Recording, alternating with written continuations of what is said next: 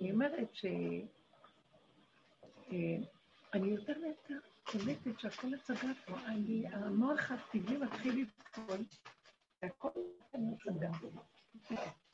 הכל נראה הצגה, זה לא, זה לא אמיתי מה שקורה. נכון. יותר ויותר אני קולטת שהמוח עושה לנו כאילו הכל זה אמיתי, וזה לא אמיתי כאן כלום. אני פשוט, אני הולכת ואני כבר לא שמה על כלום, צוחקת.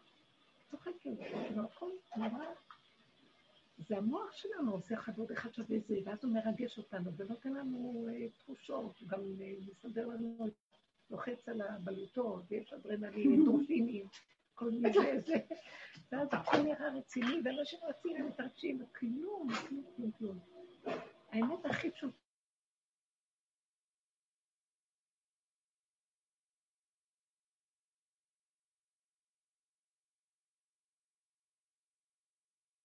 כל השאר זה תוספות על תוספות על תוספות, כמה החיים שלנו קשים עלינו. וזה ממש מצחיק הדבר הזה, זה הצגה. גם כשירדו הטילים הרגשתי את זה, שזה הכל הצגה פה. הטילים, כשירדו טילים, אמרתי, זה הצגה, אה. מישהו לוחץ ועושה הצגה, לא זה לא נזקים, זה לא, לא יהיה, הכל נראה. זה כמו, באמת שלא סתם שיש את הסרטים ומראים לנו דרך המדיה של הסרטים, לא, אבל אני, אני בדיוק רוצה להגיד ששלחו את כל האפשרויות האלה שנתעורר ונצחק בגלל שכלום פה לא אמיתי. אנחנו מתקרבים לעידן משיח בן דוד, שזה המקום, המקום הזה. הוא, השם פירק לו את התודעה של עץ הדת, פירק, פירק, פירק, פירק. הוא עבד על עצמו, אבל הוא הגיע למקום שהוא כבר לא האמין בכלום. הוא רק חי את הרגע כאן ועכשיו דרוך עם הנקודה שלו, הוא השתמש בכל מה שיש סביבו. אני מסתכלת על עצמי. אני אומרת, אה, את נהנית מהטכנולוגיה ומהעולם ואת לא מאמינה במדינה. מה קשור? יכול להיות שאני נמצאת עכשיו באלף הראשון. יכול להיות ואין לו אח ורע. אתם יודעים? כל התמונות האלה נמצאות כל הזמן בבריאה, אני קולטת דברים מדהימים. הכל נמצא כל הזמן. אנחנו עושים על פני זמן ונראה לנו, זה, זה לא נכון, אני, לא אכפת לי, מה, זה כמו ש... מריצים לך איזה סרט, ואומרים לך, סרט, איך זה נקרא, אה, תלת מימד או הלוגרמה, אני לא יודעת מה קוראים לזה, ואומרים לך, תיכנסי לחנות, תקני, תעשי, הפוקה, מה אכפת לך באיזה זמן זה היה, מחר מחרתיים הסרט זז. ו... ואת נשארת, כל רגע רק מה שמזיזים לך במשפחה, במשפחה. הלכת לרחוב, הלכת לרחוב, נכנסת לחנות, נכנסת לחנות. דיברתי מישהו לרגע, דיברתי. מה אנחנו מקובעים? זה המשפחה, זה הילד, הוא עושה לי צרות, זה ככה וככה. זה, הבת שלי עשתה לי זה, אני מדבר זה וזה. ההיא מהחנות עשתה ככה, אנחנו סוחבים כל דבר כמו חלקים על זה, ועושים סיפורים, סיפורים, סיפורים, ומרבים אותם, ומתרגשים מהם. ואין שום דבר, גם ההיסטוריה נגמרה לי. נגמר לי גם המציאות של עם ישראל, אתם יודעים? זה גם כן, כן, זה גם עולם התיקון. אני חוזרת לאדם הראשון הראשוני. אדם הראשון, השם רצה אדם אחד, שיעשה לו תיקון לכמה דברים קטנים. לא רוצה שהוא יאכל מעץ הדת, מה זה עץ הדת? זה כאילו הוא אכל מאיזה כזה, כפתור כזה, שהתחיל להשפריץ לו דמיון, ואז הוא התחיל להתרחב. פשוט התפזר, במקום להישאר ממוקד. מה עשה דוד המלך? החזיר את הכל למיקוד. אין כלום, אין עוד מלבדו, ואני גם שלו, ואני כלי, צינור פיזי, שגם הפיזיות הזאת היא זמנית מאוד, היא, היא גם אסטרלית יותר, היא הופכת להיות יותר פחות, אה, פחות גוף. יותר, יותר פשוטה, יותר, אה, אין לה משמעות פיזית כמו שנדמה לנו, זה דמיון. זה דמיון, דמיון. אנחנו אוכלים יותר מדי, אנחנו ישנים יותר, הכל הפיזי הוא יותר מדי, הוא רחב.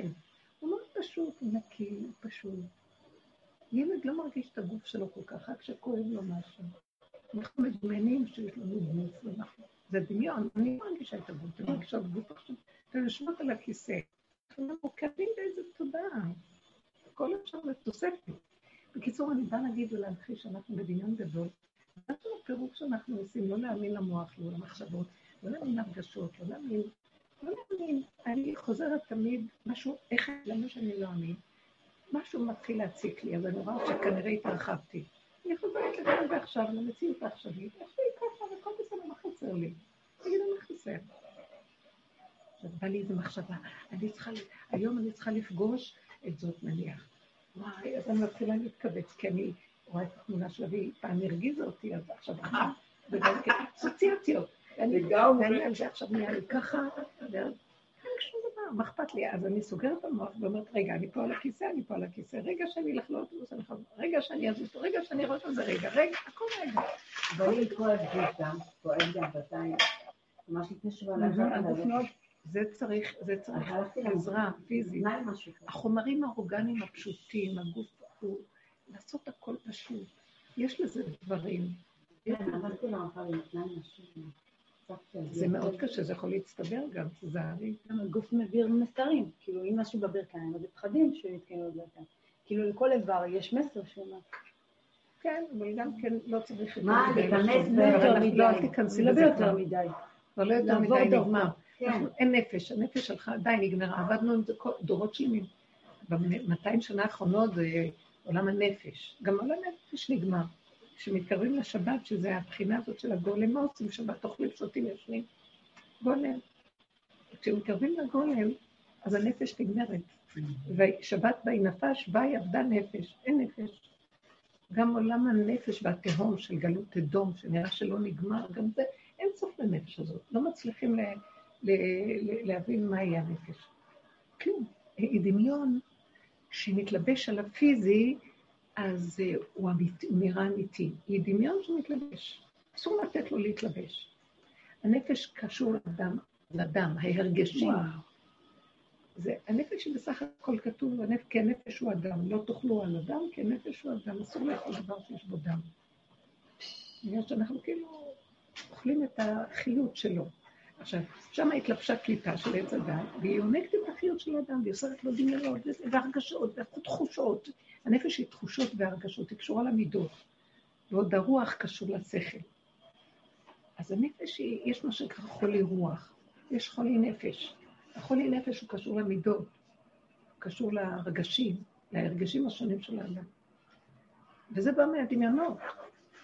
וה... והחולי רוח בא מהמוח, הוללות. של לא מחשבות. מחשבות. אה? אי אפשר לעצור אותו. זה כמו, כמו שאת אומרת, מדוזה. זה, יש פיילים, אי אפשר לעצור.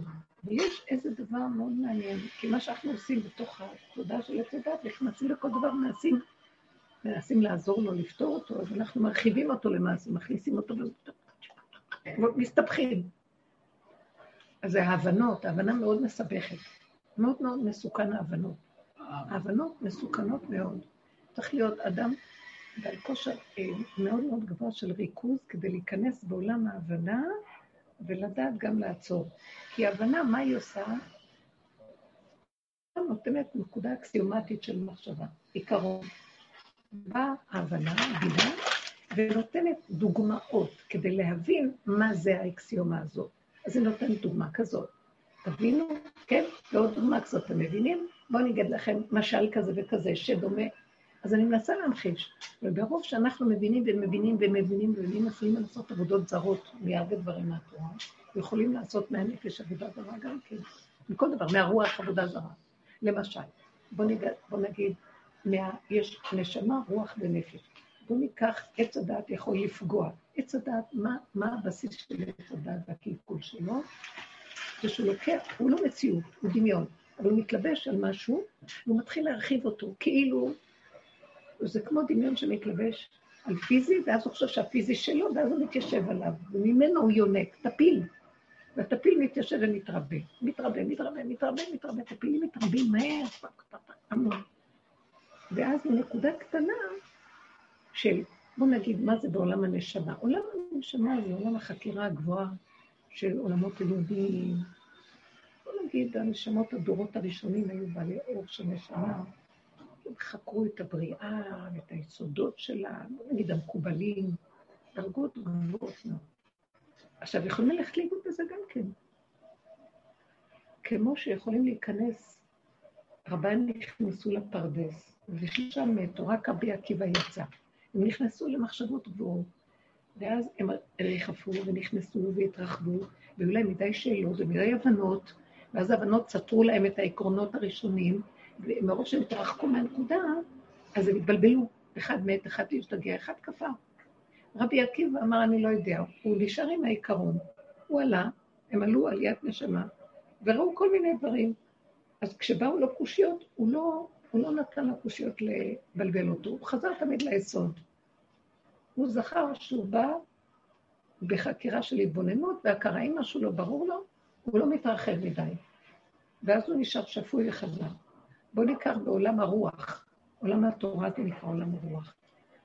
הלימוד, הלימוד של התורה. וזה דבר גדול, לימוד התורה. אפשר ללמוד בכל מקצועות התורה וללמוד, ואפשר גם לקחת את החומרים. ובסוף הדורות, בדורות הראשונים, אז הם בררו עם הרוח את התורה, מה מותר, מה אסור, מה קשה. נכנסו בגמרות, למדו ובררו ובררו, שיהיה לנו ברור. לא היה ברור. אתם יודעים שיצאו לגלות, היו, היו גמרות. לא היה לנו, אי אפשר מהגמרא לדעת הרבה דברים, כי יש דבר כזה, יש דבר, חכמים מתווכחים, ואין הכרעות שמה. אז נכנסו כמה גאונים שמה, בואו ניקח הרמב"ם, ועוד היו לפני כן גם הגאונים, הריף, הרמב"ם, הראש, כל אלה בדורות הראשונים. והם נכנסו, והם לקחו מכל מה שיש, הם חקרו, והביאו לנו דבר ברור, ספרים של הרמב"ם, הלכות ברורות, פסוקות, הוא אפילו לא כותב מאיפה הוא לוקח את זה, הוא חקר בתוך הגמרא, הוא לקח, והוא כותב, כעסו עליו שהוא לא אומר, זה לקחתי מפה, זה לקחתי מפה. כי אין לזה סוף, כי מפה יש דבר שסותר את זה, ויש את זה. אז הוא אמר, אני עכשיו מסדר לכם שאני חקרתי, וברוח הקודש שלו, של, של הצ... שהוא ידע ללכת עם הרוח, אבל עם העיקרון הנכון תמיד לחזור אליו, הוא חקר, סידר ספרים. חמישה ספרים, לפי מהיד החזקה יש לו, ממש פלא פלאים, את קוראת, הכל ברור ברור. על זה הדורות אחרי זה באו ופרשו אותו. ודורות אחרים באים ופרשים ומפרשים ומפרשים ומפרשים. והיום בדורות שלנו כותבים כל מיני אברכים, אה, תלמידי חכמים, כותבים ספרי הלכה. כותבים ספרי הלכה, והם מתרחבים, ומתרחבים, יש לנו מלא מלא ספרים. זה כותב ספר כזה וזה ספר, ואת יכולה לראות פחות או יותר אצל כולם אותו דבר, אבל התרחבו והתרחבו והתרחבו. יושבים ולומדים ולומדים ולומדים. עכשיו, הרוח יכולה להיות כמו הוללות. מה קרה? מרוב רוח, מרוב לימוד, מרוב התרחבות. הגוף חלש, אין קשר, ל, אין קשר ללב, למידות. אז בין הרוח לבין הספרים והספריות לבין המציאות, אין קשר. באה איזה מצוקה, באה איזה זה, מה, מה עושים? הולכים לאנשים חילונים מקצועיים. אז רגע, אתה לומד תורה, שהיא אור הגנוז בתוכה. אז למה אתה לא עושה איתה ניסים ונפלאות? למה אתה לא מחפש? למה הרפואות לא נמצאות שם? למה? כי הכל יש שם, התנאים היו בחיים מתים דרך זה. היו, אה, כי הם היו בעיקרון, הם לא, התבלב, לא התרחבו, והיה להם חוזק מאוד גדול. ברוך השם, זה גם שומר התורה, ובאיזשהו מקום, מה שקרה, נהייתה הוללות גם של ריבוי ספרים, כמו שאומר שלמה המלך, בקהלת אומר את זה, אין קץ, עשות ספרים והרבות להג הרבה. אין קץ. הרבות ספרים, עשרות ספרים והרבות להג הרבה. יותר מדי מדברים, יותר מדי כותבים, יותר מדי יותר מדי יודעים, יותר מדי, יותר מדי, הכל יותר מדי. אז היותר מדי הזה, זה נקרא כמו הוללות. התרחבו ויצאו. עכשיו, באמת, זה התרחק באמת. בואו ניקח את הנפש, כי אמרנו, יש נשמה, רוח ונפש. אז עץ הדעת, הסכנה שלו זה שהוא מתרחב. וגם בתורה הוא נוגע ומתרחב. והעובדה שהתרחב לו בהרבה דברים, התרבות הצוענית היא, יש בה, היא אור הכי גדול, אבל יש הרבה התרחבות. הרבה דעת. אה? תורנית. יש הרבה התרחבות. ואז כל מיני קהילות וכל מיני אפשרויות וכל מיני... התרחקו מנקודת הבסיס. בוא ניקח נפש, זה המידות, והלב, גם זה יתקלקל. בוא נגיד, הלב באמת, מאחר והתרחק והתרחק הרוח, אז עכשיו באה מחשבה להרגשים, אז אנחנו לא מאמינים בעצמנו בכלל, אין לנו קשר להרגשים שלנו, כי הכל כבר התרחם. אז אנחנו לא מכניסים את הדמיונות שיש לנו, בגלל שאנחנו רגילים לחשוב הרבה, ואז קורה משהו לבן אדם, מתחיל לחשוב, אולי זה, אולי זה, אולי זה, אולי זה, לא איזה, למה עשו לי ככה, לא עשו לי ככה. בגלל הילדות שסבלתי, יש המון ידע גם סביב כל דבר, יש סביב הנפש. מלא ידע, מלא ידע, מלא. אנחנו לאיבוד בזה. עכשיו, זה מה שנקרא פסיכולוגיות וכל הדברים האלה, mm. הבנת הנפש. אפשר להבין את הנפש, אבל הנפש, אה, אם מבינים אותה יותר מדי, אפשר לטפל בה, כי הבנה זה לא, זה לא אמת, זה אפשרות. נגנבים. בדיוק, זה אפשרות של, אפשרות כזאת, אפשרות כזאת, אפשרות, אפשרות. זה לא אמת. מה האמת? עכשיו, כרגע כואב לי, זהו. באה פסיכיאטריה שהיא בעצם הריפוי של כל הבלגן, ואומרת, בואו נדפוק להם חומרים. מה, ישתקו עלינו, זה חסר לו סרטונים בגלל זה כל זה כל.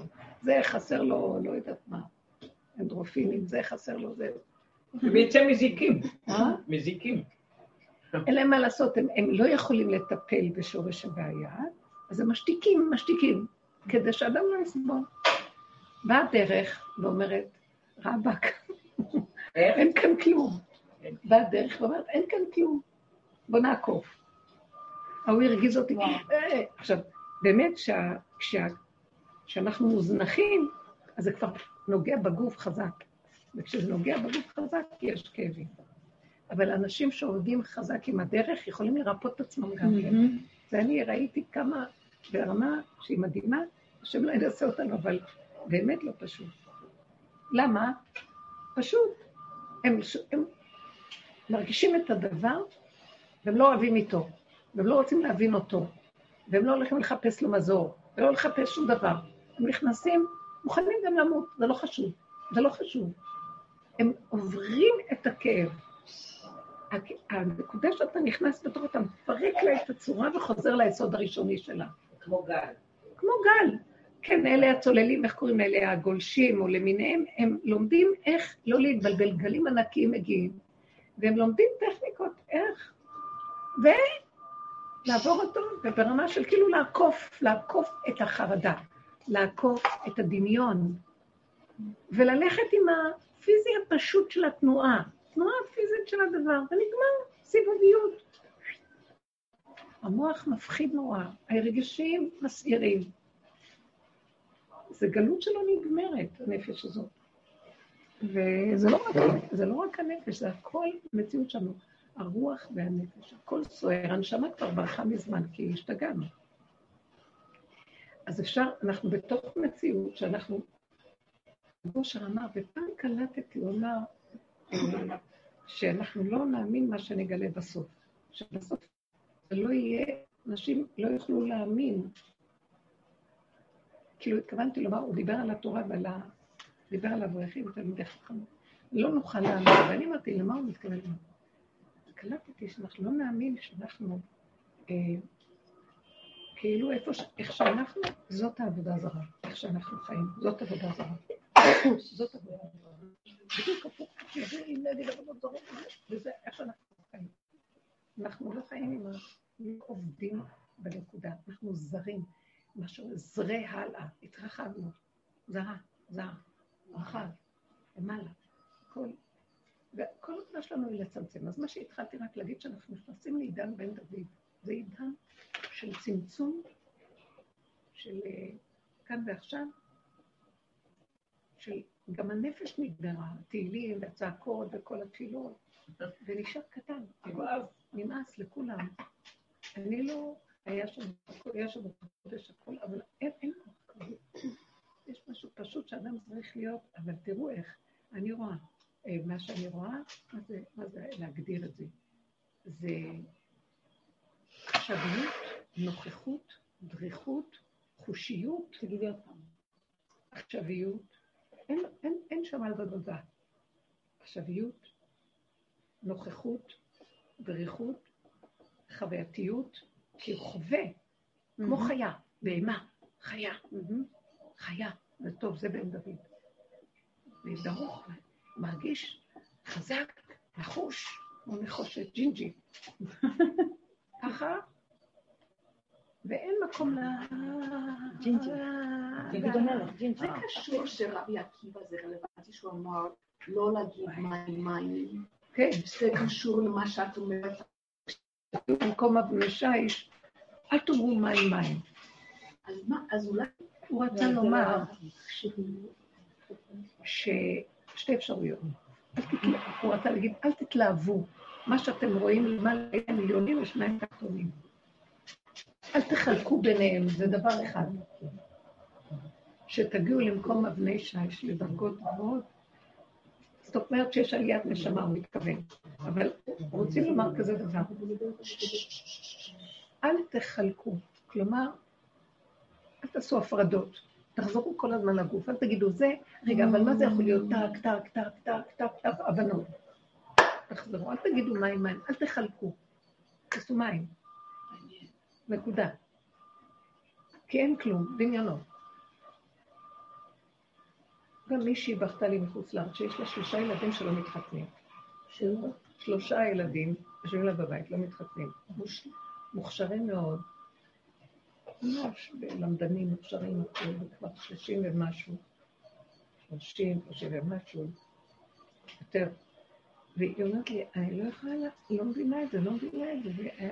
והיא הולכת איתנו בדרך, אמרתי לה, אל תביני, אל תחשבי. הם מושלמים, מה חסר להם? הם חיים, הם נתיבים במה שהם עושים לעולם, והם מוצלחים, הם שמחים. נכון, לפי המוח, אמרתי לה, חסר לנו, יש תוכנית, חסרה תוכנית. ולא הולך להם בנושא הזה, לא הולך. באמריקה? כן. ואני אשלח לה את הבן. לא הולך להם. ממש. אז, אז אמרתי לה, אבל, אבל למה שהם צריכים להיות את עצובה בשביל הדמיונות? להם, הם גם רוצים להתחתן, אבל הם הם כרגע לא, זה לא, הם מתחתנים עם מה שהם עושים, הם מתחתנים עם רגע אחד, אני מדברת עם מישהו, זה חתונה, רגע אחד אני מדברת, נכון, רוצים לפרוט ולהביא ילדים וכל כל אלה שמתחתנים וילדים ילדים, יש להם גם כן מצוקות. מה אתם אומרים כל כך קל להם? זה חי... זה לא... דרך העולם. דרך העולם, אבל גם... בסדר, אם זה קורה, יאללה, נכנסנו במלכודת, יש לנו ברירה. אבל כשלא, ואנחנו מתים מצער, אין הדעת סבלתנו. בסדר. זה בסדר, אני רק אמרתי לה, זה הדמיונות שלך עושים לך את הכאבים. תרפי, תחרי את המוח. הוא חי נושמים, מה האדם בא לכאן, הוא חי נושם, והוא הולך לו, לא אכפת לנו יהיה עוד משהו בלי מישהו, מה ההבדל? כולם בסוף חיים נושמים וזה. לא, יש לו במוח, רציתי את שלי, יש לי ילדים, יש לי משפחה, מה יש לי? מה יש לי? באמת, באמת, אדם נשאר לבדו. הולך לבדו, הכל כאילו כאן. הכל כאילו, ומלא כאבים סביב זה. זה מספק לנו את מה זה? זה תוכנית שמספקת אפשרות של צער ומכאובים כדי לתקן. זה כאילו מכניסים אותנו לכלא. לתקן. מכניסים אותנו לכלא. ואז יש תיקונים בכלא. יש צער, יש רוגז, יש רגע של שמחה, יש רגע של זה. הסוהר נתן לנו עוד פיתה, עוד משהו. יש, זה לא להאמין, אבל כשאדם יוצא מסדר התיקון, הוא חי עם הנפש שלו, וטוב לו ושמח לו, הוא חי איכשהו ככה, מה חסר לו? אה? נכון, כשחיים בתוכנית של המוח, זה עושה לנו עניינים, יש אירועים, יש שבת, באים ילדים. אני הסתכלתי, ערכתי פה שבת. היו, היה נחמד מאוד, הסתכלתי אחר כך, אמרתי, וואי, היה מאוד נחמד. מה באמת היה נחמד? משהו חיצוני שמגדיר, היה מאוד נחמד. התארחתי, לבדתי, ובסופו של דבר מה שראיתי, הייתי, אני העיקר פה. יכולתי גם לאכול טוב, לישון טוב, להיות עם עצמי טוב, מה? זה בסדר, זה נחמד שיש אנשים, אבל לא חסר דבר, פחות או יותר. כאילו, זה רק דמיון. אז ככה זה בנוי, כדי שיהיה תיקונים, כדי שהאדם יהיה לו צער, רוגז ומכאובים, ובזה הוא מתקן. זה הגיהנום שלו בעצם. בעולם הבא אין, אין אני חושבת, אה, אין זיווגים, אין ילדים. יחלו הנשמות בגוף. אין, אין מצב כזה. אני מנסה להביא אתכם למצב של להתחיל להשתחרר, נכנסים לתודעה אחרת. זה לא אומר שלא יהיה ילדים, אבל גם הילדים הם יהיו ילדים שמטפלים בעצמם מההתחלה. כמו הבעלי חיים שקמים אחרי זמן קצר והם כבר עצמאים. אל תצחקו עליי. מה, מה? מטפלים בעצמם. כן, מטפל בעצמנו מהר. הכל פשוט. לא, לא, לא כמו שהיום, לא כמו שהיום, יושבים מדי על כל דבר עם אחרים. אנחנו כל היום מתעסקים בהם, כל היום מאבחנים אותם, מטפלים בהם. מה עושים עם זה באמת? כאילו. רואים את השיקוף של הילדים, כאילו עצמנו דרכם. התרבות גורמת, צורת החיים גורמת לבעיות, כן? וזה אוכל אחד את השני. תנו להם, אה, אני חושבת שהחיים צריכים להיות מאוד פשוטים. יש דברים בסיסיים שכן צריך לדעת. יש חוקות התורה שצריכים ללמד את הילדים, חוקים שצריך להתנהג בהם, אבל פשוט מדיניות גדלה עלינו. המדינה בערבית, מדינה זה שוק. נכון? המדינה זה שוק, מי שאמר אותנו. זה שוק. זה פשוט הרבים התרחבה מדי. יש את מה שהוא צריך. חוקות התורה עוזרים לו למה שהוא צריך. יותר מדי התרחבנו. עכשיו צריך כל הזמן להתאים לדמיונות שלנו את התורה שלנו. למה? באמת אין מדינה. אין מדינה, זה דמיון במוח שיש מדינה. יש רק אני עכשיו פה, ובמוח אני יודעת שיש מדינה. יש לי יש אנשים שהם מאוד פוליטיקאים, אז הם כל הזמן חיים מדינה. הם לוקחים את הרגליים והם חיים במדינה. או אימא יכולה לקחת את הרגליים ולחיות, ילדים שלי התחתנו, לא התחתנו, התחתנו, לא התחתנו. אז בעצם מה זה קשור אליה? זה קשור שהיא עכשיו טוחנת את הדבר הזה ונהיה לה מצוקה. עושה להם עין הרע, אני חושבת. טוחנים מדינה, טוחנים, טוחנים דברים ונהיה, ואז יש כאבים. זה עולם התיקון, למה צריך את זה? אז מאיפה בא כל הכאבים? טוחנים, לוקחים נקודה, הרחיבו אותה בצורה כל כך גדולה, והיא סותרת דבר סותר את השני, ויש מריבות וחיכוכים עם המחשבות, עם הערעורים, עם הדמיונות. בשביל מה? אני שואלת את עצמי, תמיד תחזרו לעצמכם ותגידו לי, לא רוצה, לא יכולה. יש מה שנקרא פיזי, כרגע יש ילדים, צריך לטפל בהם. מה? לתת להם אוכל, לדאוג להם לדברים, זה יותר מדי לקשקש איתם, יותר מדי להקשיב להם, יותר מדי לשים לב להרגשות שלהם, לעקוב אחרי מה שעושים להם, לא עושים להם, כן עושים להם. אבל זה תרבות חולה. אז מיותר. את אומרת שהכאבים, כבר בשלב הזה של הלידה של בשיר, תמיד שהכאבים הם מיותרים, שאפשר להשתחרר מהם עם השריר. זאת אומרת ש... לא נדרש מאיתנו את העולם התיקון הזה, כאילו שאין תיקון. הוא לא ייגמר אם לא נגמור אותו. בואו, קחו את הדבר הזה. הוא לא ייגמר עלינו. יהיה עוד ששת אלפים שנה. אני חלמתי שקניתי שלוש בובות, חלמתי. אני באה הביתה ואני רואה שהבובות מלוכלכים. ואני רואה שלא יכולים לרחוץ את זה. אה, אה, זה ככה הייצור שלהם, הם מלוכלכים. כאילו, ככה עשו אותם. וככה אני חולמת שקניתי שלוש מלוכלכים. וקמתי ואמרתי, זה אנחנו ייצור של מלוכלכים. כאילו, זה ככה שאנחנו ייצור של מלוכלכים. ואנחנו לא יכולים ללחוץ את זה. אי אפשר. מאוד יפה, מאוד יפה. היא חלמה בובות כי היא אוהבת בובות לילדות, וקונה להם. אני אוהבת, זה בשביל ילדים, אני אוהבת. כן, אבל זה חלמתי כל כך יפה, שהייצור שלהם היה מלוכלך. ממש. מלכתחילה. מלכתחילה, לא יכולים לאחוז את זה, כמו שאת אומרת, שלאו גם, יש קטן ככה, לא יכולים לראות. אז בואי, את יודעת מה השלמה עם הפגם? בצחוק. אני רואה, אני אגיד לכם, אני אתן לכם עוד דוגמה, איך שאני רואה, מהו היסוד של משיח בן דוד? המשיח, וזו משיח, התודעה של בן דוד. זה, משלים עם עצמו הכל, בכל, בכל, מכל כל. הוא לא חוקר ושואל על עצמו. זה עשו את כל העבודות הקודמות, בתהליך לזה. אני מדברת עכשיו על התוצאה הסופית. אין עבודה, אין עבודה, יש השלמה.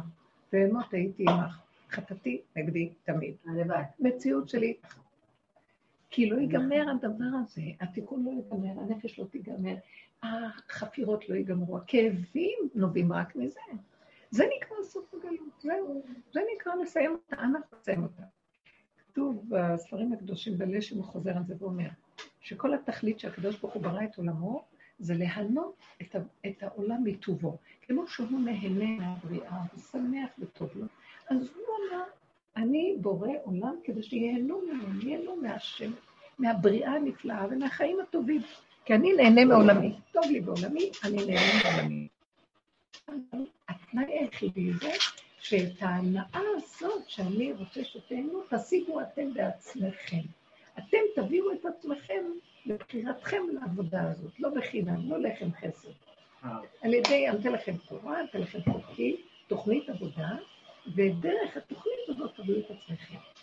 לא רצה שהאדם הראשון יוכל לעץ הדת, כי עץ הדת מרחיב ומאבד וגורם לייסורים נוראים וכאבים שלא נשאר.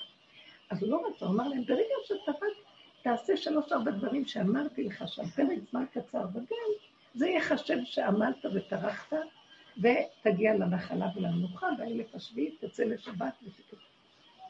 תקשיבו, הוא אכל מעץ הדת, השתלשלנו, נכנסנו לעולם המראות זוועה, עולם ה... מה שנקרא סבך, שיש שם, יש כזה מקום שמסתבכים. אבל היה לזה משמעות. לא מצליחים לצאת מהסבך הזה. היה לזה משהו. דבר מסבך דבר שמסבך דבר שמסבך דבר, ונהיה עוד יותר סבכים ועוד... ולכו פה עצרו את כל הסיפור הזה, ואין כלום בעצם. אז איך נעשה את זה? אני חושבת שמה שעשה בן דוד, אחרי כל הכאבים הגדולים וכל ה... זה פשוט, הוא... אה, הוא תפס שאין לזה סוף, אין לזה תיקון, יש רגע של כאב שהוא לא יכול להתגבר עליו, זה רגע אחד נכנס בו, עד שהוא עבר, וזהו. המינימום שצריך. זהו. זאת אומרת, הוא פירק את המציאות ונשאר איך שזה ככה, כאן, עכשווי, דרוך, חי, תוסס. הוא עובר דרך החושים, יכול להיות שחוש מסוים יהיה לו קיצוני או משהו, יש כזה דבר בגוף. אז הוא עובר אותו, אין מה לעשות, רבו שלהם מקבל איזה התקף לב. ונכנס בו ויוצא ממנו. הוא לא רצה שיקחו אותו ויטפלו בו רפואות בבית חולים, כי זה ההתרחבות והאפשרויות וה... וכל ההבחנות והספקולציות שלהם, ואני לא יודעת מה, טיפולים. פשוט, אם אנחנו נוכל לצמצם את מציאותנו לפשטות הזאת, וזה מפרק את הגלות. זה מה שעשינו, העבודה הזאת שאנחנו עשינו שנים, לפרק, לפרק, לפרק. בסוף היום אני לא מסוגלת דבר שאין לי בו, אה, שאני רואה שאם אני טיפה אכנס אליו ואני אכנס למצוקות וכאבים, לא רוצה. לא יכולה, לא רוצה. אני לא מתיימרת, לא רוצה, לא יכולה. ענת מייתת. ואז אני אומרת, אני עושה תנאי. אם הדבר הזה באמת באמת אמיתי וחשוב וצריך להיות, אתה תביא אותו עד אליי ברמה שאני יכולה להכיל אותו, או ככה. ישר אני משחררת, ואת לא יכולה. כי אני ראיתי, אה, פעם היה, היה איזה מישהו שרב אשר אמר עליו, שהוא אחד מה, מהאנשים, הסתובבו שם כמה בחצר שהם בבחינת משיח, שהם נראים משונים כאלה, לא רגילים. אז פעם אחת היה פעם מדי, פעם מישהו היה אחד עם הירקות שהיה, היה ככה מאוד מוסתר. ואני זוכרת, כשהייתי מדברת איתו, שואלת אותו משהו, הצורה שלו זה שום נימוסים, שום אה, גינוני מלכות וכל מיני דברים. אה, ואני אומרת לו, זה, לא, לא, לא, אני לא יכול, אני לא יכול, אני לא יכול. זה חזקת נשים. ההפך מהכול. וואי. מאוד שלם ואמיתי איכשהו כאן הרגע, כי לא יכול כלום. אחר כך באמת נכחתי שדרכו היו הרבה ישועות מעניינות. לא מסתם, לא יודעת, נעלם, בא, הולך. לא חשוב. אני רק בודקת ורואה את הנקודות. השלמה מוחלטת, לא מתפלספת למה הוא כזה, לא כזה, זה לא יפה, תעבוד על עצמך, לא תעבוד על עצמך. יש, יש עבודה קודמת, יש עבודה קודמת. בטוחה שעושה עבודות על עצמו, לא יודעת מה, אבל יש איזה שלב של הסוף, של ככה זה וזהו זה. הוא לא סתם מתנהג ככה, כי עשיתי הכל, הכל, הכל, הכל, בסוף אני בובה מלוכלכת, אי אפשר לנקות אותה, ככה אני וזהו. את לא רוצה, אז אל תהיי חברה שלי. את לא רוצה, אל תכירי אותי, טוב, תלכי מפה. זהו. לא נקשר לכלום, לא קשור, לא עושה חשבונות, לא מבוא, לא רוצים להכאיב את השני. אה? לא רוצים להכאיב את השני, למשל. הוא לא עשה לי כואב, אני יכולתי להיות כאובה. הוא אמר לי את האמת שלו, וזהו, עכשיו אני יכולה לעשות איזה כאבים. ככה מתנהגים, ככה מדברים, ככה עושים, מה הוא מנפנף. ועוד נתתי לו צדקה, לא היה אכפת לו כלום. נתתי לו צדקה וגם העליב אותי. לא היה אכפת לו. מה זה קשור? זה נתת. תראו את האמת, איפה היא. אני עוד חושבת, זה, נו, אני רוצה קצת, אה, מה שנקרא, שלמונים על זה. תן לי איזה טובת הנאה. חמוד, הכל פשוט אמיתי. אז אם אדם יכול לחיות ככה, תראו איך אנחנו מלאים בכל טובות, מלאים. מה נעשה?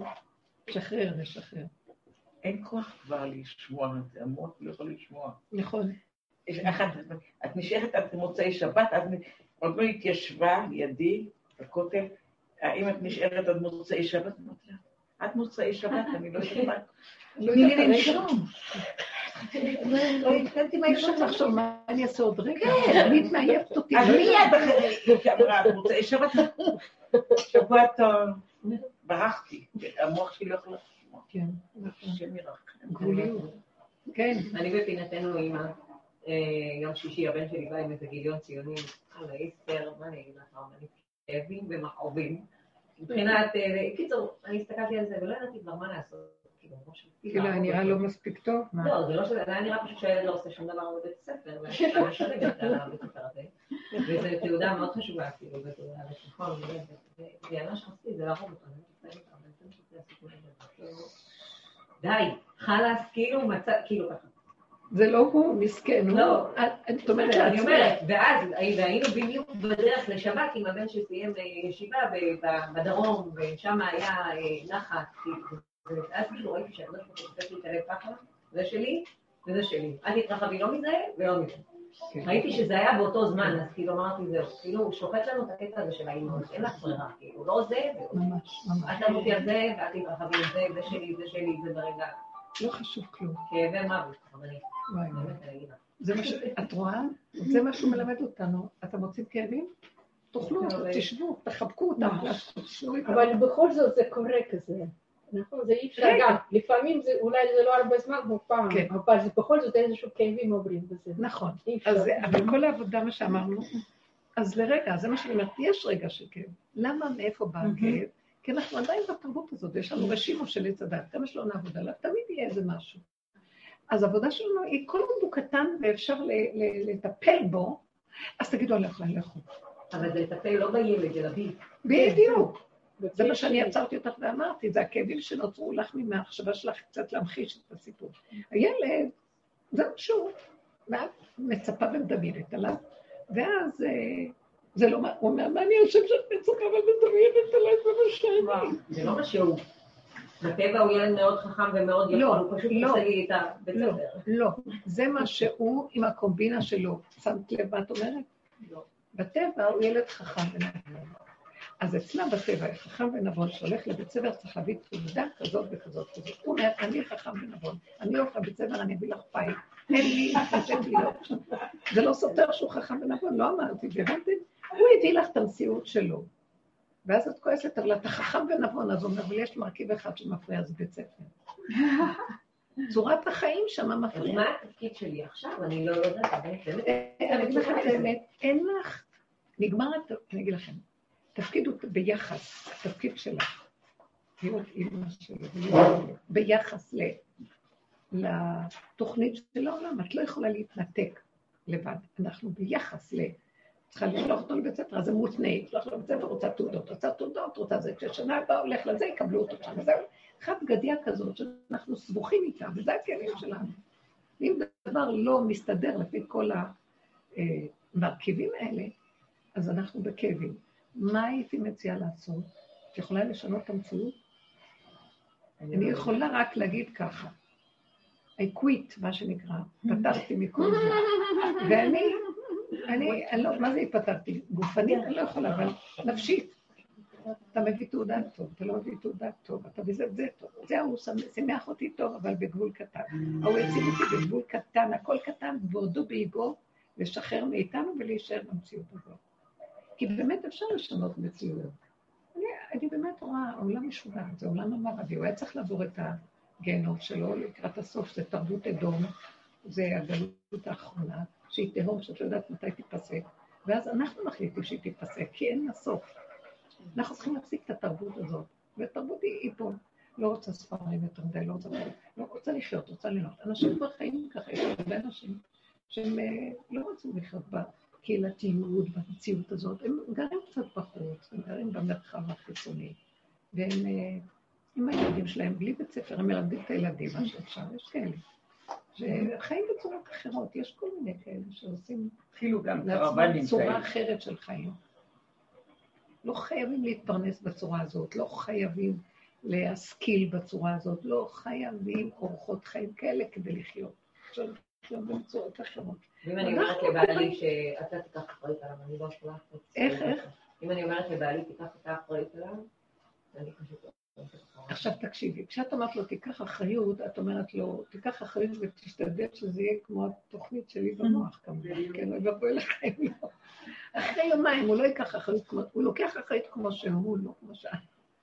עכשיו תראי איך הוא אומר, לא לקחת אחריות, אתה לא לו. לא, מסכן, הוא אומר, זה האחריות שאני יכול להכיל. יש לך אחריות אחרת. את מבינה? אז אי אפשר. אני אגיד לך, רבנית, זה קשה, כי יש הרבה שלבים שאתה אומר, בסדר, לא אכפת לי, יאללה, יאללה, הוא לא עוזר, הוא אנטי קטנים שיסתדרו בזה. פתאום כשאת רואה את הילד שלך, זה ניסיון בשבילי קשה. כשאת רואה מה? כשאת רואה את הילד שלך, כאילו, אם הוא לא עושה עכשיו את מה שאת עושה בטבע, כאילו, נכון, זה בטבע, אז הוא פשוט נכנס ויכול לצלול ליפול לאיזה תהום. כאילו, אם אתה לא תופס את עצמך, אתה תגיע למקום לא מתאים, אתה כאילו, אין מה לעשות. זה צומת שבטבע, כאילו, אני מבינה שיש שופטים פה משהו מאוד קשה לי, לנפש שלי, אבל בטבע אני לא יכולה לראות את זה, זה משהו שבאמת קשה לי איתו. כי את במוח שלך אה, מתוכנתת של זה וזה שווה זה, ואם לא, אוי ואבוי. ניסיתי להזכיר את זה, אבל תקשיבו, אנשים לא חיו ככה בדורות קודמים. לא היה השכלות כאלה. היו אנשים שישר אוהליהם, שהם אנשים של רוח, אנשים של... אז הם ישבו ולמדו תורה, בוא נגיד ביהדות. ישבו בישיבות, למדו תורה, והשאר עבדו, עבדו. אבל הם חיו, דוד המלך לא ישב ולמד תורה כל הזמן, הוא חי ביערות, בשדות, במדבריות, עם הצאן. גם משה רבינו היה עם הצאן. תקשיבו, אנחנו לא עוזרים. לא. כמה ספרים נכתבים על משה רבנו היה עם הצאן. זה לא היה בהסכמה.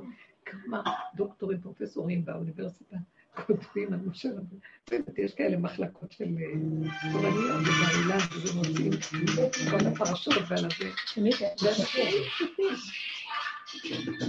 איזה מצחיק זה, אתם מבינים? הם חיו באמת, ואנחנו באים באמת פרשים מה זה. מצחיק. ואז יש לך כאבים, אני מבינה, כי את רוצה שהוא יהיה מה. לא שיש, תלת למסגרת, בסדר? שלפחות תעשה את הפעולות שצריך, תשאיר את המסגרת, כי זה ככה.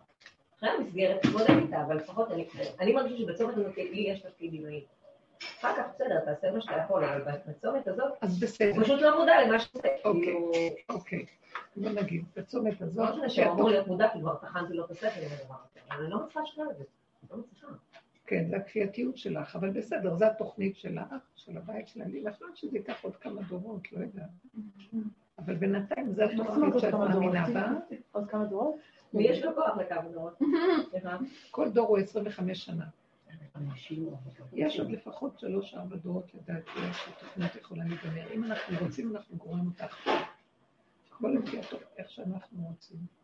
גם לי אין פתרון שאני רואה, אני היום אומרת, אני, אני אגמור אותה עכשיו. אני לא רואה את הילדים שלי, את הילדים שלהם. והם לא יכולים, הם כבולים. התודעה שלהם כובלת אותם. צורת החיים כובלת את זה, ואני רואה את הייאוש על הפנים. סליחה שאני אגיד לכם. אני רואה את הזוגות הצעירים. הם בייאוש. לא היו רוצים ככה, הם לא יודעים.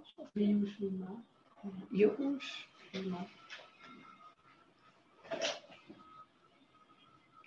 הם לא רוצים לחיות, הם לא חיים.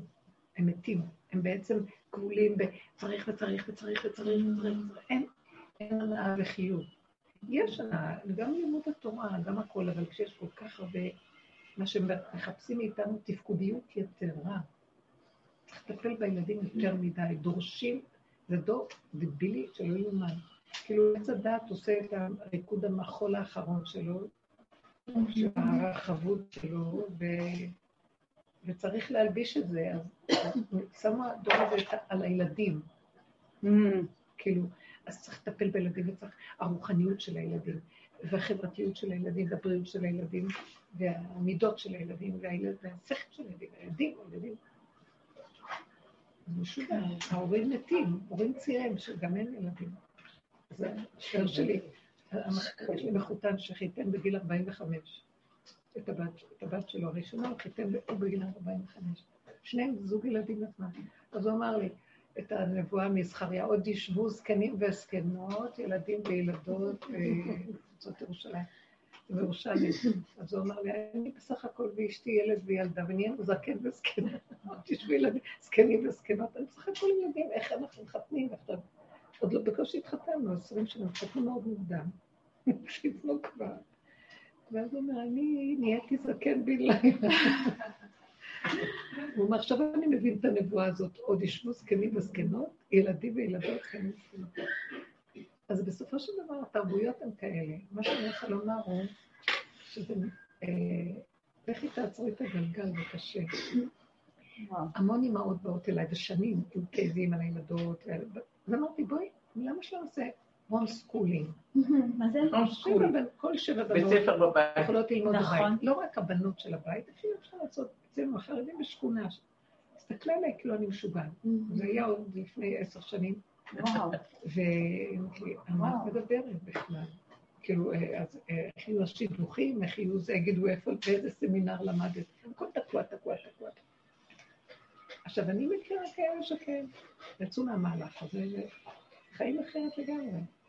ממש, ילדים בבית, שזה הבנות. הבנים. בנים, בנות אני כבר... אז הבנים, גם הבנים צריך לדעת לשים אותם, אולי לעשות מסגרות קטנות יותר, לא יודעת, לא יודעת. אבל זה להזיז, זה, זה קשה, זה מתפרק דרך אגב, מתפרק. זה בעצם לא הלמידה רוצים, היהודית. הילדים לא רוצים את המהלך הזה. זה ייאוש, יש ייאוש. את המהלך הבן שלי הרגיל. לא עושים. ליבו ואמר לי, הוא היה בישיבה מאוד טובה, הוא אמר לי, היו לי שנים של תסכול מזעזע. ועברתי אותו, כי ראיתי שכנראה, כי לא הייתה לי ברירה, אבל זה לגמור, גמרו לי את החיים, כאילו, כן רציתי, כן למדתי, אבל הצורה של הלימוד, הכל. היום הוא יושב ולומד עם בעצמו, עם עצמו. הוא לומד, הוא- חברותא עם מישהו, אבל הם לומדים כל אחד מה שהם רוצים ללמוד, זה ביחד, ואחר כך גם לבד. וככה זה היום לימוד שלו. הוא לא כלום, זה מה שהוא יודע לעשות, אבל אחר כך הוא גם אומר, אני רוצה לעשות עוד משהו. לא כאילו החיים שלך, אני מעודדת אותו. יש כאלה שירצו לעשות, ככה יש גם. אבל אני רואה שיש תסכולים. השטנץ הזה, למה היינו צריכים לעבור את כל זה? זה עץ הדעת, זה החטא של עץ הדעת, זה התיקון שלו, אבל החוכמה היא שמבקשים מאיתנו שנצא מזה. אנחנו, זה לא ייגמר. יכול להיות שזה ייגמר. אז זה הוסיף לנו משהו? זה הוסיף לנו משהו, יצא מזה משהו, כלום. כל הסבל הזה. אה.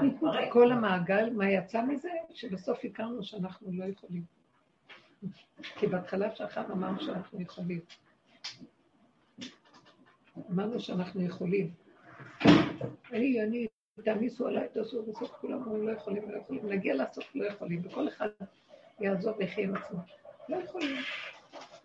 עכשיו את רוצה עם הילד, בוא נחזור, אנחנו רוצים פתרונות מעשיים לעכשיו. מה את יכולה לעשות עם הילד? אני יכולה לעשות עם עצמי. זהו בדיוק, תתחילי לראות איך שאת בנויה. אני והמבנה, אובססיבית, מה אני יכולה לעשות? מה, אני אני- אני אובססיבית להשכלה של ילדים. לא- אז תסתכלי על האובססיביות. את יכולה לדבר איתו בפשטות. הוא לא מדבר איתי, אני? אני נהיינו אויבים. מה את רוצה? המצב. אני קונה לו, מפעלים- אני כאילו למדתי, אני קם באמצע הלילה, אני מחבקת אותו, מנשקת אותו, הוא לא נותן לי לחבק אותו ביום. בן כמה הוא? כיתה ז'. זה בר מצווה, נו, זה הילד הבר מצווה מדובר. גם עשית בר מצווה וגם אותו. איזה אימא טובה, מדהימה. כן. כי יש לך במוח את העניין של ההשכלה, של ה... לא יודעת אם השכלה, אבל כמו סדר. אני סדר. שזה טוב. כאילו. לנפש שלו, כאילו, אני לא יודעת, אין לנו שום תפקידים, אני שואלת. לא לא שאני צריכה תפקידים, אבל אני, יש לי מה. אבל לא, באמת, אני לא צריכה תפקידים, אבל משהו בי כאילו קשור בו. אז אם לא אני, לכאורה, מה ש... אם אני הולכת עכשיו ככה, בוא אני אלך עד הסוף, בסדר? לכאורה, אם לא אני אמורה לתפקד עם היצור הזה, אז בורא העולם אמור להתגלות ולעשות כבר את זה, לא? תעשה איתו משהו. תני לו להתגלות. אז עשיתי שלב, אבל אני עושה עם סטופר. אני עשיתי את זה, אמרתי כבר כבר שתי צעדים אחורה, שבשבילי, אבל זה לא זה. זה לעשות את כדת יצחק, זה- כפשוטו. אני לא בן אדם שמסוגל לראות ילד שלא בבוקר, אני לא מסוגלת את זה. ואז היה לי תקופה שלא הערתי אותו בבוקר וזה, ואז היה לי יום אחד שקמתי ואמרתי, לא, הילד הזה ספציפית, את חייבת להעיר אותו פעם אחת, תעירי אותו, ואני גמרתי את זה, ואמרתי, תלכי עם זה. הערתי אותו, לא מעירה אותו פעם אחת, ואמרתי, בעלי, אתה אחראי שהוא הולך, אני לא לא מסתכלת עליו, כאילו, מתעלמת. מה- כי אני גם רואה שהוא עושה את זה מולי בכוונה, הוא עושה את זה מולי, זה קטע של משחק. הוא- יכול ללמוד, הוא ילד מאוד אחראי, הוא לא מטאור, כאילו, אם הוא באמת בא... אז למה את דואגת בנתונים שלו. יגיע? כי הוא עכשיו נמצא בצומת, אני אגיד לך מה הכאיב לי, אוקיי? אה, הוא נמצא בצומת שקודם כל, את יודעת, זה תעודה של כיתה ז', איתם מתקבלים לישיבות, ככה זה הולך בדור, בעולם הטבע, הסתום הזה. אז, אה, אז הוא היה לו שנת קורונה, שבשנת קורונה בערך אה, הדמימה אותו. היה במצב מאו- מאונח, לא ראשונה. די נח. כאילו, הוא קורא ספרים, הוא בן אדם שלא את זה, אבל הוא לא, זה, בגלל שלא היה סדר יום, אז הוא לא עשה כלום, הוא לא יותר מדי. תסבירי את זה לאנשים בישיבות, אולי הם- יתחשבו בזה, כי הרבה ככה הם. עכשיו, שבגלל אני הקורונה זה המצב מה שזה קרה.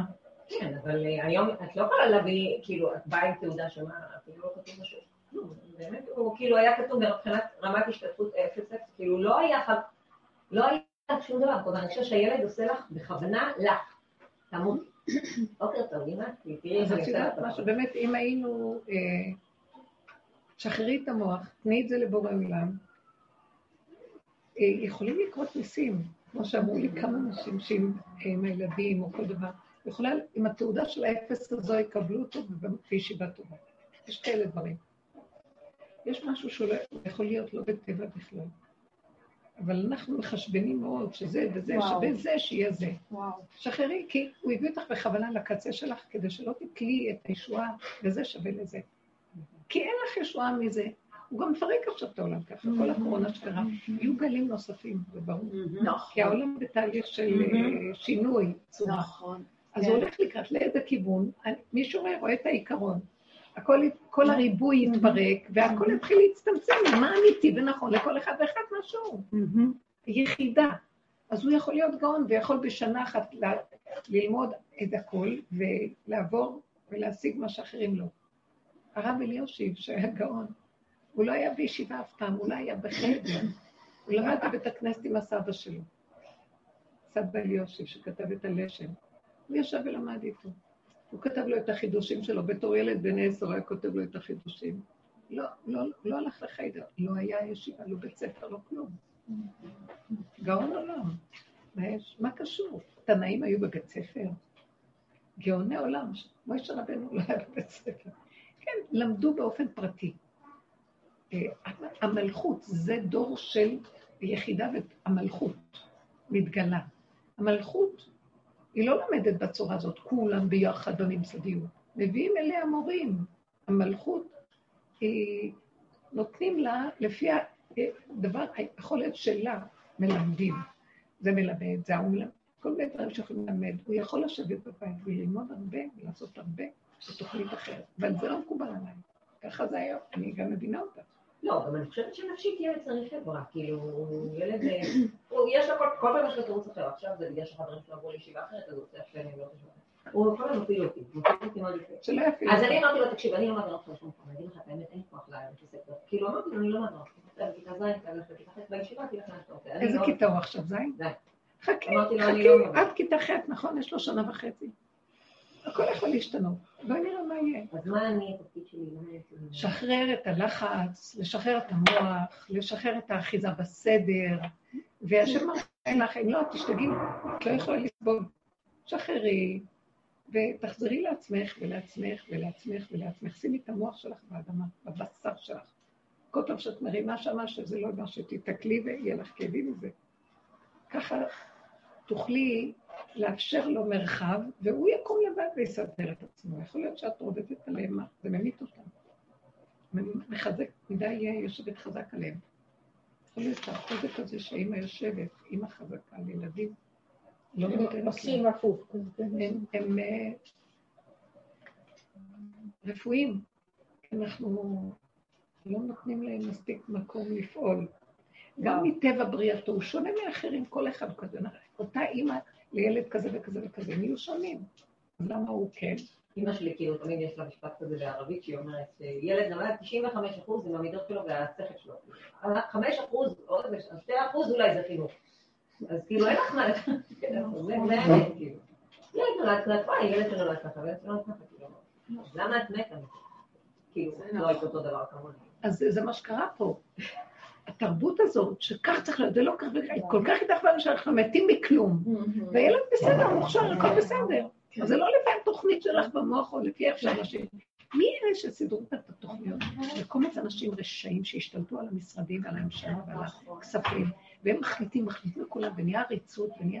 אני זוכרת שהייתי הולכת, הייתה לי עמותת חינוך, והיו לי, היה תיכון, אחר כך עשינו גם אה, מכללה וזה. הייתי צריכה לסדר את התעודות כל הזמן, והייתי נפגשת עם אנשים ממשרד החינוך. הם מפחידים, פשוט מפחידים. כן. חושבים שהעולם שלהם והכוש שלהם, והם לא רואים אף אחד, רק את עצמם, ורק צריך כל היום להשתחוות להם ולהתחנף אליהם ולהביא להם מתנות ולסדר, כדי שהם... דבר שהם חייבים לעשות על פי... וחוץ מזה, אני משלם, האזרח משלם להם נכון, את המשכורות, והם יושבים כאילו, נכון. נכון, מה שקרה פה, הכל התהפך. וזה גם נכון פנימית. אה? זה גם נכון פנימית. העריצות הפנימית, זה ממש מה שאת מתארת. כן. האזרח משלם, ויש התנהלות שהיא בכלל לא קשורה. כאילו הם המלאכים. ממש, ממש, ממש. אנחנו קוראים את זה. אז מה לעשות? אני לא רוצה יותר להתעסק עם המציאות הזאת. אפילו שיש לך עוד תפקיד כאימא, נניח את אימא ויש לך תפקיד, והמצב שלך אה, הוא כזה כרגע, תשחררי את זה קצת. לא מצליחה, לא מצליחה, אני אומרת לך, לא מצליחה, אני אובססיבית. הכרתי בזה, אמרתי טוב, את אובססיבית, טוב הבית, וזה, כנראה שיש לי, כאילו, הטבע שלי חזק לי משהו חשוב. כן, כן, מאוד. הדרך הזאת, וואי, מה שהדרך הזאת עשתה לנו, אני לא האמנתי מי שראיתי מעצמי, לא חשבתי, לא חשבתי שזה אני. וואי, העמידה אותי בנקודות שהייתי בזעזוע נפשי גדול, אבל החוזק הוא לקבל את זה, להשלים. בסך הכל העבודה שלי היא כאילו כל המקשרים בין תפקוד הורי למצב של הילד. הרי זה הפסיכולוגיה. אוקיי? בגלל שזה, כל היום זה התסקירים, זה זה כל היום מקשרים בין... בסדר, אני יודעת שזה לא נכון ולא קשור. משהו כנראה, יודעת, בכל אופן, משהו שהשרישו בנו המון המון שנים, ואנחנו... זה. אז מה תעשי? אני אני כאילו, אני כל היום הולכת עם הדרך, אני אומרת, טוב, בוא תשתי את הקפה, אל תחשבי עליו. בדיוק. כל רגע תעצרי, לא סטופ, סטופ, סטופר. לעבוד עם הסטופר, אין מה לעשות. וזה מחליש. היום אולי את לא כמו שהיה פעם. לא. אם היום תיכנסי כי פעם הייתי באמת אה, סטלין מהבית. כאילו. כן. היום זה לא. היום אני מסתכלת על עצמי, אני אומרת, שאת לא נורמלית, כאילו, אף אחד פה לא אכפת לך מה זה, וזה כאילו מסטולה בבית. ועוד עם כל המסטולה אז אולי אבל הבית נראה- טוב. הבית הרבה יותר טוב. כי לא, כל אחד מצא את הנישה שלו. יש ילד. שמתאים לו ללמוד לבד, יש. ילד שלא אז מתאים לו. אני נגמרת העריצות של השלטנות כן. מרוב רצון לסדר, אז אני משעבדת את כל המשפחה כי אני רוצה סדר. אז אולי דווקא השם הוא- שולח כזה ילד, שעוד פעם, כן, שעוד הילד, יעזור לה. כן, כן. הוא מתלבש על הילד, והילד בסופו של דבר הוא מדהים, הוא- שתזוזי ממנו, הוא יתחיל, הסיבות יז- יזיזו אותו והוא יפרח. כן, שלח את האם, שלח את האם, שלח את האם. בן דוד אמר, אני האימא. והוא שלח את עצמו לעולם, הוא ראה שהוא מסוכן, אז הוא צמצם, צמצום אחר צמצום. עד שהוא נגמר, זה, זה בחינה של משיח. מה זה משיח? הוא הכ, הכי קשה בעולם, הוא הכי קרימינל בעולם, הוא הכי, יכול להיות אפילו אישות, הכל הכל, והוא ראה את הסק... הוא חייב לראות, חייב לראות, את... הוא עשיו. אני ראיתי למה יצחק אהב את עשיו. שמאי. בסוף זה יהיה שדווקא השלילה הכי גדולה היא תתמתק, זה משיכות. זאת אומרת, הדינים הגדולים והרזות, ושהוא רואה את עצמו. דוד, אה, משה רבנו גם היה, ועל מידות קשות וחמור, והכל, כשהוא לקח את הכל והכניס את זה למצב של עין, שחרר את העולם מהקליפה הזאת. אז זה זה... הוא עשה עבודה, לא מ... כן, נכון. זאת אומרת, לא, לכאורה כאילו, כמו למשל, אני אומרת, מה, הממשלה היום היא יכולה להיות מתוקה? יושבת. מה? הממשלה? כאילו, הממשלה בהרכב שלה יכולה להיות מתוקה, זה כאילו ככה קצת לא. לא, לא, זה זה מוכן לא טוב. מקום כזה, כאילו מקום של לא, עבודה. לא, כי, כי הם לא מוכנים להודות שהם לא יכולים להיות מתוקנים. ואילו אני רואה ונבהל, ואני נכנס לצמצום, מוכן לוותר על התפקיד, הם לא יכולים לוותר על הכיסא, הם לא מודים. אז אין שם אפשרות שיהיה איזה. מה זה התיקון? אין תיקון לדבר. יש הכרה והודאה. הודאה באמת זה התיקון. אני מודה באמת, אני לא יכול, נקודה. אני תקוע. כי מה שאנחנו לא עושים, לא, זה רק דמיון, אנחנו חיים בווירטואליות מדהימה, מזעזעת, והיא משוגעת. וסוף סוף אנחנו רואים, לא יכולים, מה, למה? כי אנחנו נשארים לחוצים, עצבנים, רגוזים, כאובים, ועובדים כמו משוגעים, ומה יוצא לנו מזה? זה דמיון שכאילו הנה יש. גם אם לא נעשה את כל התנועה הזאת, יהיה מה שצריך. משפחה תתקיים, יהיה הכל. למה אנחנו משתתפים יתר על המידה בכל דבר? בכל דבר יש לנו השתתפות יתר, שהיא בכלל לא רצויה, אבל ככה התרגלנו. הדעות וה- השתתפות, השתתפות בדעות ובמחשבות וה- והבנות, ואחר כך בהרגשות ובפעולות. זוז הצידה, צמצם, תתמעט, שחרר שטח. העולם לא שלך, יש כאן מי שמנהל אותו, הוא יתגלה, הוא מתגלה, יש אנרגיית חיים שזזה. שכינה, חיות. אז זהו, תנו לזה מקום. וזה מה שהדרך הזאת עושה. מאוד קשה לתת אותה לאנשים אה, אצלנו ביהדות, זו דרך שלא מתאימה להם. היהדות היא כל כך, כמו שאת אומרת, סדר, חוזק, כוח, שישה דברים, אם לא נמות, אם לא נלך לאיבוד פה. באמת נכון, יש פחד, שזה מול זה, זה יותר טוב. אבל גם זה וגם זה צריך ללכת. ימין ושמאל תפרוצי. והרגע הזה של להרפות מפחיד אותנו מאוד מאוד. זה מאוד מפחיד, כי גם האדם משתלט שם בתוך הסדר הזה. אני מסודר, אני יש לי שישה סדרים, אני אוחז, אני, רגע אני ארפה, אוי ואבוי לי. אז הם בגיהנום, אני רואה אותם, אוי ואוי לי מזה, אוי לי מיצרי ואוי לי מיוצרי. אבל היוצרי שלנו משתנה. היוצרי של עץ הדת הוא לא היוצרי של האמת. הוא השם בגלות. ואז יש עליי חוקים, הלוואי אותי עזבו ותורתי שמרו. שומרים את התורה, אבל אין השם באמת, זה כאילו השם. אז אנחנו מתחילים להבין שכדי לגלות את השם באמת, חייבים לעזוב את כל אורחות החיים האלה. זה לא סותר, התורה מתגלה מזווית אחרת, לא מהמקום שהמוח שהם רגילים. וזהו. זה קשה המהלך הזה. מעבר קשה. עכשיו, הילד יכול להיות, נכון, דברים טובים, אבל זוזי, זוזו, צמצמו, תלכו אחורה, ש... תנו שטח, שחררו חלל קדמון. זה מאוד קשה לבן אדם, כי המוח שלו רץ, והוא קודם לו, הגוף רודף אחרי המוח. אז זה עושה מצוקות, כי אין אה, קואורדינציה, אין. אבל הזוזי שאת אומרת, זה, זה בתודעה, או זה גם כן בפעולויות? איך, איך? הזוזי שאת אומרת, זה? בתודעה, הזוזי. הזוזי, לזוז, זה בתודעה, או גם כן בפעולויות? זה מתחיל מהתודעה, כי התודעה רוצה סדר, ואז היא רצה לעשות פעולות של סדר. עכשיו, אין סדר, יש תוהו ובוהו, קבלי, השלימי, תלכי אחורה ותרפי. אז גם תזועה, תנועה תזוזתית, יכולה לעזור פה. היא הולכת לחדר אחר. כי אם אני אראה את זה, אני לא אוכל לסבול. אני עוקפת. יכול להיות שאת לא תגידי כלום, תעקפי ותלכי, רואה אותי שאני לא להגיד לו כלום. אה, בהתחלה עשיתי את זה. כאילו אמרתי, יאללה, ראיתי שזה לא טוב לו. כאילו כן צריך להעיר אותו, פעם אחת העיר. למרות שזה, הוא באמת לא צריך, כי כשאני רואה שיש לו בר מצווה או משהו, זה כל מיני סתם אובססיביות שלי. אבל אני אומרת, טוב, את לא מסוגלת להיפטר מהאובססיביות של היום, תעירי אותו פעם אחת, וזהו. כי הוא באמת יכול פה, הוא לא צריך אותו. את עושה את זה בשבילך, לא בשבילו. אבל בסדר, אז הודיתי בזה, אני עושה את זה בשבילי, לא בשבילו.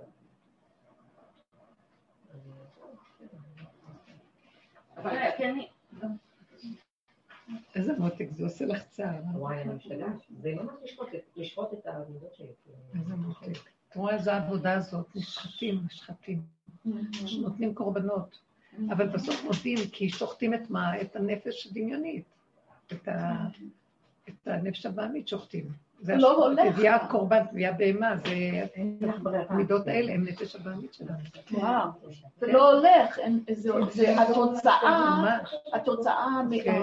מראה לנו. הרמב"ם אומר, כל החולאים של הגוף זה חולאי הנפש, במידות, חולאי המידות, הוא אומר, המידות לא ישרות. אז זה מקריבים, מקריבים אותה להשם, והוא ייתן לך אור גדול, אור גדול, אני רואה. הקורבנות היום מביאים אור גדול, לא מבינים את הדבר הזה, היום כבר לא פועלים. הוא רוצה קורבנות בנפש. כי אנשים היו יוצאים מדי חובה שמביאים קורבן, חוזרים ועושים אותו דבר. אז הוא אמר, הקורבנות הן הדוגמה, איך אתם צריכים לעשות בנפש.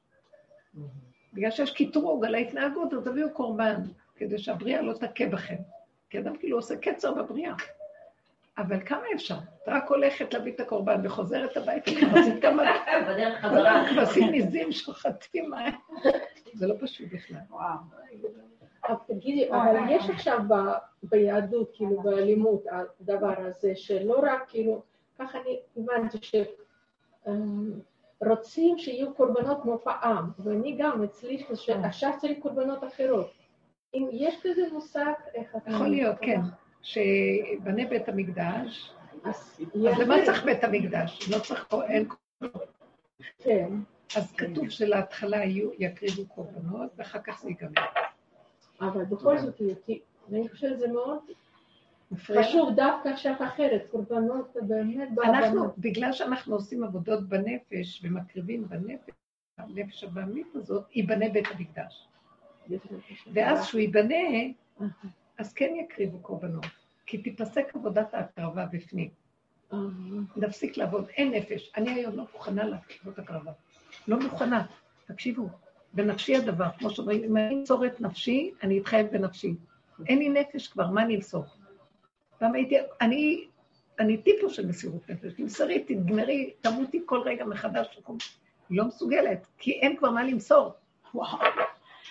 אז זה סימן שבית המקדש ירד. ירד, הכוונה, האור הזה ירד, יכול להיות שנושיט ידיים לעשות פעולות.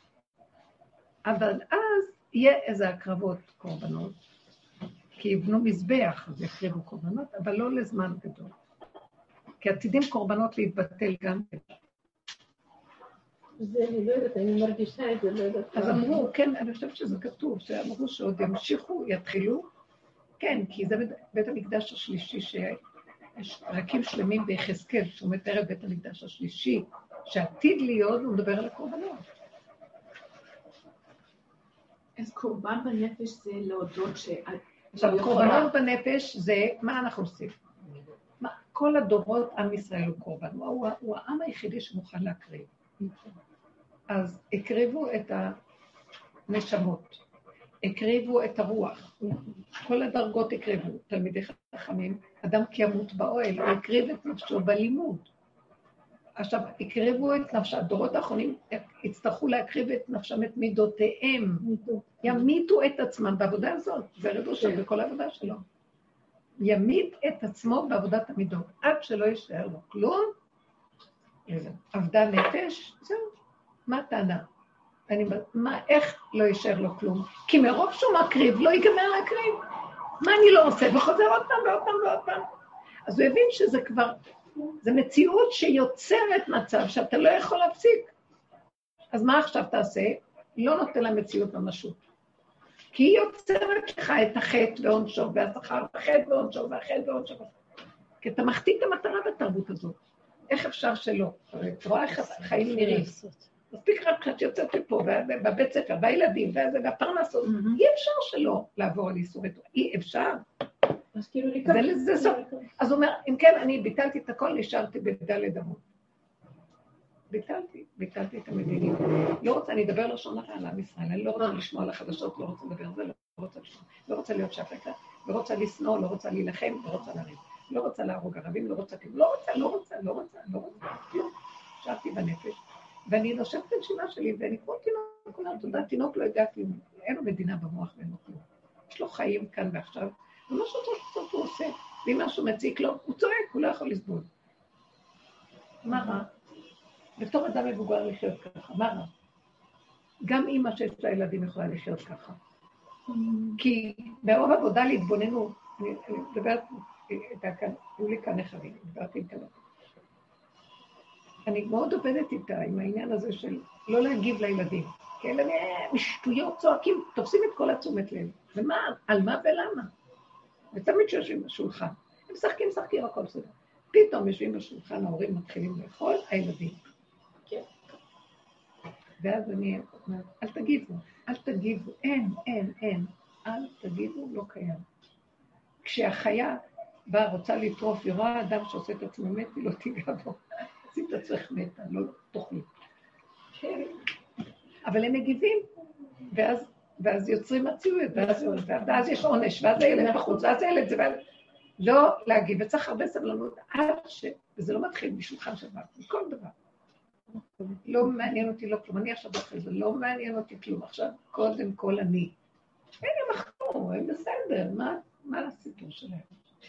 הם משתלטים, הם המרכז של העולם, והכל זה הם, והתרבות התחילה לשפול עליהם, והעץ הדעת גונב אותם, אז הם, אין להם רחמנות על כלום. אז זהו. אז אנחנו צריכים ככה אותו דבר לראות, צמצום אחר צמצום אחר צמצום, הנקודה שלי בזה. ואחר כך יש לה רגע שהיא מאוד נהנית וכיף לה, ואז היא מתחילה לחפש את הילדים, כי משעמם לה, אז היא רוצה... לה, דרי מהרגע הזה, כי זה מה שיוצא אחר כך את הרגעים האחרים שהם באים אלייך פה. תשאלי את עצמך עשר פעמים שאלה, את צריכה לקום? לא. אל תתני לסיפור ולריגוש הזה של הילדים. אה, תשבי בתוך הנקודה שלך בשקט. רק כשהם יגיעו עד אלייך, אז תתעורר. ואז לאט לאט מתחיל גם הכוח הזה של האימהות הרחב הזה לפעול. ואז הכל נהיה רגוע, מסודר. צריך לת... אז זאת העבודה שעשינו, זה שחיטה. כי יש לה עכשיו רגע טוב, היא רוצה לה ילדים. בשביל מה הם יושבים טוב, הם משחקים, מה צריכה להפריע להם? כי בא לי עכשיו, צריכה סיפוק אמהי. יש לה זמן פנוי. וככה הם מרגיזים את הילדים, מוציאים אותם, וזה מביאים אותם אליהם, ואז הם באו. ואז אז הם מתחילים להציק לה, ואז הם מתקוטטות, ואז היא צועקת עליהם, אבל מה קרה? זה כל כך מצחיק החגדיה הזה. כי אדם, כי משעמם לה לבד, היא צריכה לפתח את הנקודות שלה, לדעת לשבת לבד בשקט, לדעת לא להצטרך כלום, לצמצם ולחיות שם ולנשום וליצור קשר עם היחידה ועם בורא עולם, די. זה החיים, הילדים, התפקודיות, זה אנחנו תת רמה, אנחנו. כל הספריות הגדולות שלנו. השם רוצה שאנחנו נתחיל לפרק, הוא רוצה להתגלות, גילוי מלכות השם, גילוי אנרגיית השכינה. זה משהו אחר לגמרי. לא נוכל להתעסק עם עוד מיליון דברים וגם עם השכינה. אתם לא מבינים? זה... זה... זה הס. השם מתגלה, זה שקט, זה רגיעות, זה חוויה שקטה, פנימית, שהיא מלא כל העולם כבודו, ולא צריך שום דבר חוץ מזה. אנחנו ריקים, אז עושים מיליון דברים שיהיה לנו מה לעשות בחיים. וזה מכה בנו ועוד פעם ועוד פעם ועוד פעם. צריך להתחיל להתרגל למקום הזה של לשחרר. את אומרת שחיטה, תקבלי אור הרבה יותר גבוה. תשחטי את הדבר הזה. מה יש לנו ממנו? כאילו, זה סיפוק כזה, הסדר והמשמעת בילדים והכול. תשחטי את הנקודה, תתני אותה, תקבלי אור אחר לגמרי, לגמרי, לגמרי.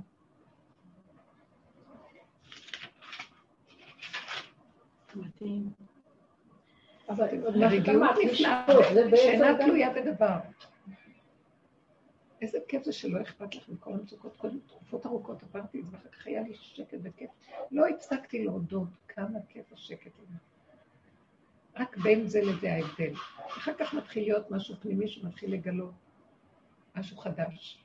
להכין את המציאות למשהו חדש, מה חשבתם? זה אור חדש.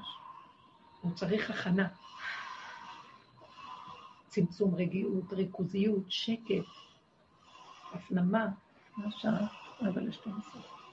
זהו, זה מה שאנחנו צריכים להכין, להכין את הכלים. צמצום, הפנמה, ריכוזיות. זה הקרבת קורבנות, והדרך הזאת עשתה עבודה מדהימה, ושחטנו, כן, טק, טק, טק, טק, איפוק, הכלה, הכרה, צעקה, עברנו שערות נפש נוראיות. הנה, זו דוגמאות כאלה. עד היום. היום הגעתי למקום שאם אני, יהיה לי איזו מצוקה, לא מסוגלת לא להכיל אותה. לא יכולה, אני רוצה רק להתפטר, כמו איזו עלוקה, לא יכולה, לא יכולה, לא יכולה, לא יכולה. ואז אני אומרת לה, לא יכולה, אבל אני לא יכולה, תרחם, תסדר, זה לא שלי, הכל שלך, ואני משחררת. לא יכולה. אני לא יכולה. אני אחזור ואגיד, לא יכולה. אני באמת ראיתי, אני זוכרת את האדם הזה שאז התעוררת, הוא לא יכול, הוא לא יכול. אמרתי, לא. הוא חי את האמת. הוא, הוא, הוא בגבול הזה של הלא יכול. ואז שם מתגלה עליו אור מרגיע אותו, והוא מה שנקרא. בזכות אחד כזה יש כאן ישועות, ולא יודעים את זה. אבל הוא לא טיפוס שיכול לבוא. דיבר בטלפון עם מישהי, מישהי דיברה איתו, אז הוא, אז הוא אמר לה, אז מתקשרים אליו לשאול אותה שאלה, יודעים שהוא איזה צדיק. אז היא אומרת לו, אני, מה, מה אני צריכה לעשות זה וזה, זה, אז הוא צועק, מאיפה שאני אדע מה את צריכה לעשות? אני סוגר לו את הטלפון. ואז הוא אומר לי, מה היא חושבת? שמה שהיא רוצה אני אסדר לה. ואחרי רגע הוא סגר. עכשיו, היא חזרה חמש פעמים להתקשר, והוא הרים את הטלפון. וכל פעם הוא אמר, אני, אמרתי לך, לא סגר. הוא לא מתרגז, הוא רק גבולי. כל כך ראיתי את זה, זה היה כל כך מעניין. ורק ככה הוא העביר לה את המסר. הוא העביר לה איזה מסר. הוא לא מתרגז, הוא לא כועס, אבל הרגע הוא לא יכול והוא סוגר. והיא מכירה אותו, כנראה חזרה אותה. וכל פעם הוא הבהיר לה, עד שהיא קלטה את הנקודה שהוא רצה לקלוט. אני מבינה מה הוא רצה, במה שהיא שאלה. תדייקי, הוא אומר לה, את לא מדייקת, ואני אין לי. כי הוא מאוד מדויק. היא רק, האינטונציה שלו הוא כבר יודע. כל כך נוכח מדויק. מדהים. כשאני ראיתי את זה באותו רגע, הסתכלתי, הייתי נדהמת. ואז קלטתי כמה אני מרחפת לעומתו. טוב? אז זה היה לפני כמה שנים, וממש ראיתי את זה. ואני חשבתי, איך הוא נראה, מה? לא בן תרבות. ואין לו טלפון בכלל. אין לו טלפון, אין לו. כן, אבל היה לו איזו תקופה.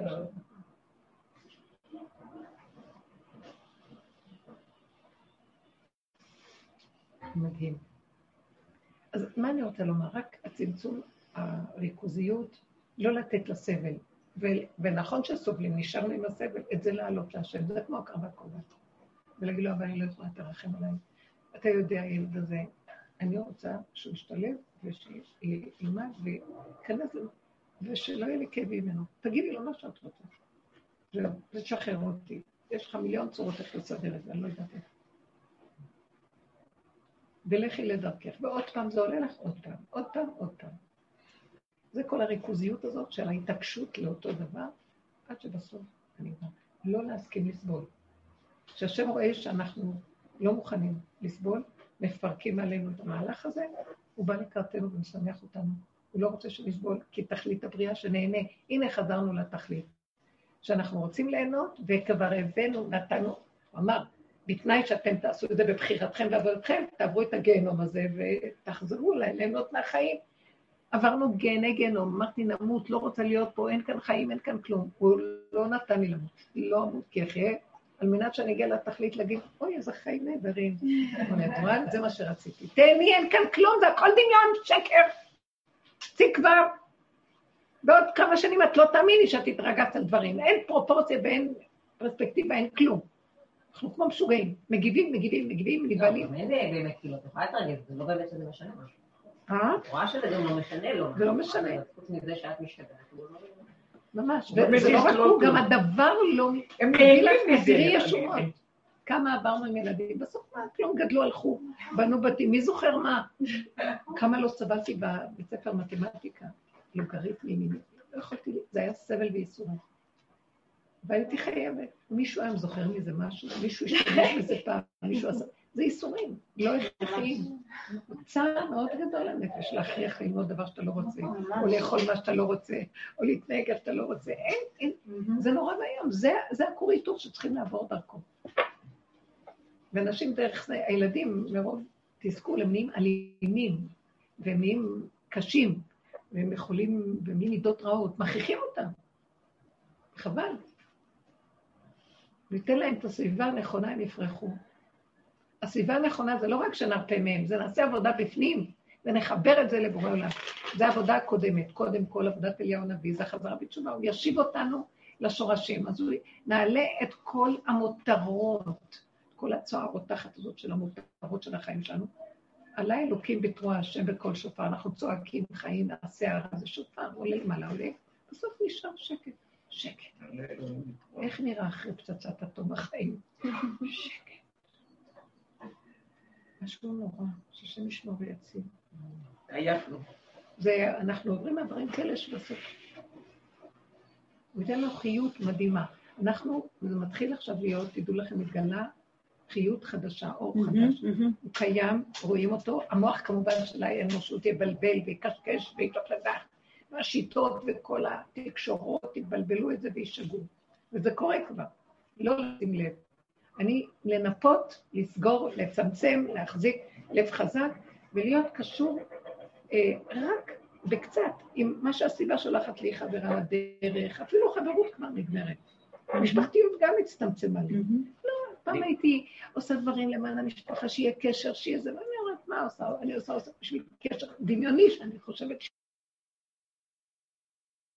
קשר דמיוני. כל אחד קשור, מתי שתשלח לי סיבה זה הקשר. אתה מקשר ואתה מחבר. חבר אותי איתך בלי מאמץ. בלי מאמץ. אפילו דברים... אני. אפילו דברים של... אה, לא, לא. אפילו דברים של אה, רוחני, אפילו עם השם, אם יש לי איזה משהו שאני מדברת איתו, אחר כך אני רואה שזה מאמץ, אני אומרת לו, לא, השם אין לי כוח המאמץ, ביני לבינו. לא, לא, זה צריך להיות בקלות וברחבות, ועד אליי בכבוד, אני לא יכולה, זה מדי עמד. ממש, ואני אומרת, אני מוותרת על, לא, אני מוותרת על המדרגה, אני מוותרת על מה שאני מבקשת, אם זה... אז מה, לעשות גבולות לילדים זה גם דמיון? אני חייבת להגיד תודה רבה. תודה. תודה.